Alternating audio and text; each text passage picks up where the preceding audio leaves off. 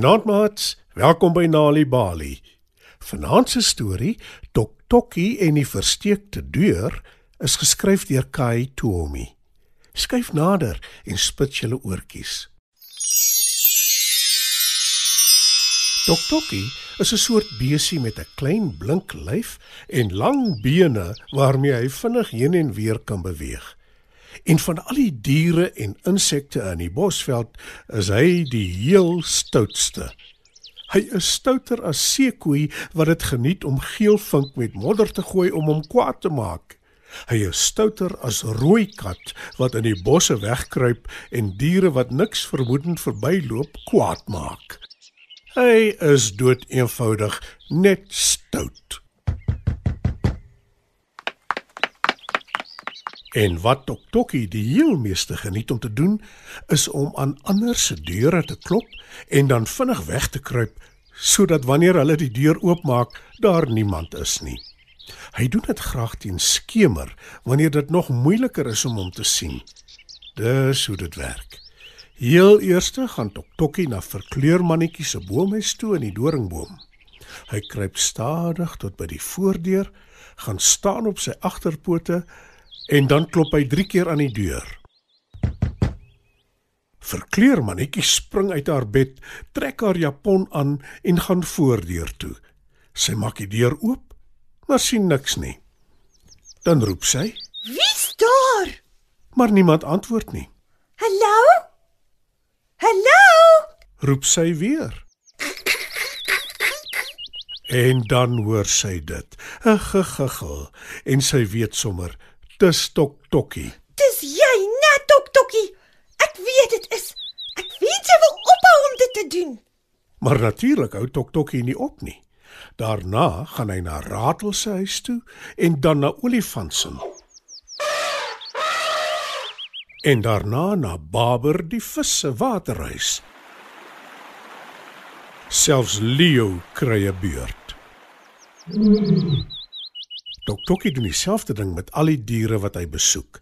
Hy klop aan hulle deure en dan maak hy hom uit die voete. Die diere sien hom nie waar hy wegkruip nie, maar hulle weet dis hy en dit maak hulle baie kwaad. Hoekom is jy so stout, Tok Tokkie? Brom ratel en klap sy deur toe. Olifant is net so vies en waarsku. Wag net tot ek jou vang. Jy sal jammer wees. Ag, tog Tok Tokkie. Los my net uit asseblief. My kinders slaap. Sug Baber die vis. As ek jou in die hande kry, vreet ek jou op. Brul Leo. Maar natuurlik hou Tok Tokkie nie op nie en die diere besluit dis tyd om almal bymekaar te kom en 'n plan te maak. En dis Naguil wat met die beste plan vorendag kom. Dis tyd dat ons van Tok Tokkie ontslaa raak. Ek het nou heeltemal genoeg gehad van sy poetse. En ek weet julle stem saam met my. So. Hier is my plan. Maar ek het julle almal se hulp nodig daarmee. Die diere luister nou keurig na wat Naguil te sê het. Hulle knik instemmend want hulle dink dis 'n baie goeie plan. En die volgende dag gaan Naguil na Tok Tokkie se huis toe. Maar net toe sy aan Tok Tokkie se deur wil klop, maak Tok Tokkie die deur oop en glimlag vir Naguil. So maklik vang jy my nie naguil. Jy vergeet ek is die koning van poetsebak hier rond. ek is die een wat aan almal se deure klop. Sê Tok Tokkie. Maar Naguil steur haar nie daaraan nie en sê: Ek is nie van plan om te klop en dan weg te kruip soos jy nie, Tok Tokkie. Ek wil vir jou iets vertel. Ek het 'n gerug gehoor. Tok Tokkie kyk bekommerd na Naguil en vra: 'n Gereg. Ja, ek het gehoor daar het 'n vreemde dier in ons geweste ingetrek. Nie in die bosveld self nie, maar daar waar dit woestynland begin word. sê Naguil met 'n glimlag. 'n Nuwe dier. Vra Tok Tokkie en hy begin klaar planne beraam om aan die dier se deur te gaan klop. Vertel my meer. Sê hy vir Naguil. Sy glimlag en sê: Ek ken nie die dier se naam nie, maar ek het gehoor hy het pers vere, 'n pink lyf, groot geel pote soos 'n eend, 'n neus soos 'n hond en lang arms wat lyk soos wurms. O ja. En sy oë is so groot soos 'n uil se. Eh, Dit klink vir my na 'n lawwe gerug. sê Toktokkie. Maar Naguil skud haar kop en sê: Ek dink nie so nie. Die dier het 'n towerhuis met 'n deur gemaak van die wonderlikste hout wat daar is. Blykbaar as iemand aan die deur klop, dan weer klink die geluid oor die hele geweste. Eintlik oor die hele wêreld. En dan weer kaats dit terug na jou toe. Toktokkie se mond hang oop van verbasing. Sy oë glinster.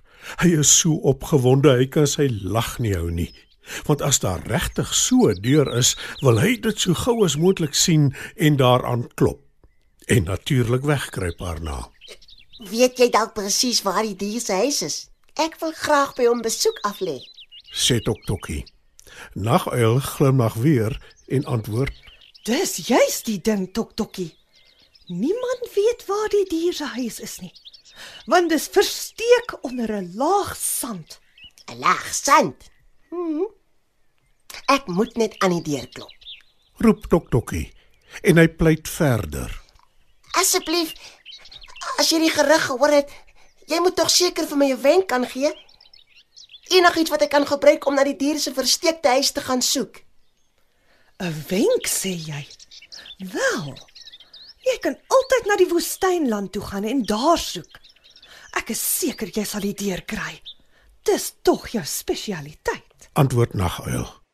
Toktokkie is nou baie opgewonde en sê: Dit is ja, ek klop gereeld aan deure. Ek weet hoe. Toktokkie vertrek sommer dadelik na die woestynland aanderkant die bosveld toe. En toe hy daar aankom, begin hy aan die sand klop. Hy klop en hy klop. En dis wat hy tot vandag toe nog doen. Hy soek steeds na die versteekte deur. En tot hulle groot verligting los hy die diere van die bosveld uit, want hy klop nie meer aan hulle deure nie. Mats, dit was dan nog 'n Nali Bali storie. Toktokkie en die versteekte deur is geskryf deur Kai Tuomi. Die storie is aangebied deur die Nali Bali leesvergenotveldtog in samewerking met SABC Education. Klas, het julle geweet dat om te teken, te sing, stories te vertel en gedigte voor te dra, alles dinge is wat julle by die huis kan doen? En dat al die dinge julle help om beter te kan lees. Sjoe, juffrou, dis goed om te weet. Ek is lief vir teken en vir lees. Geletterdheid begin met stories tuis. Het jy jou storie om te vertel?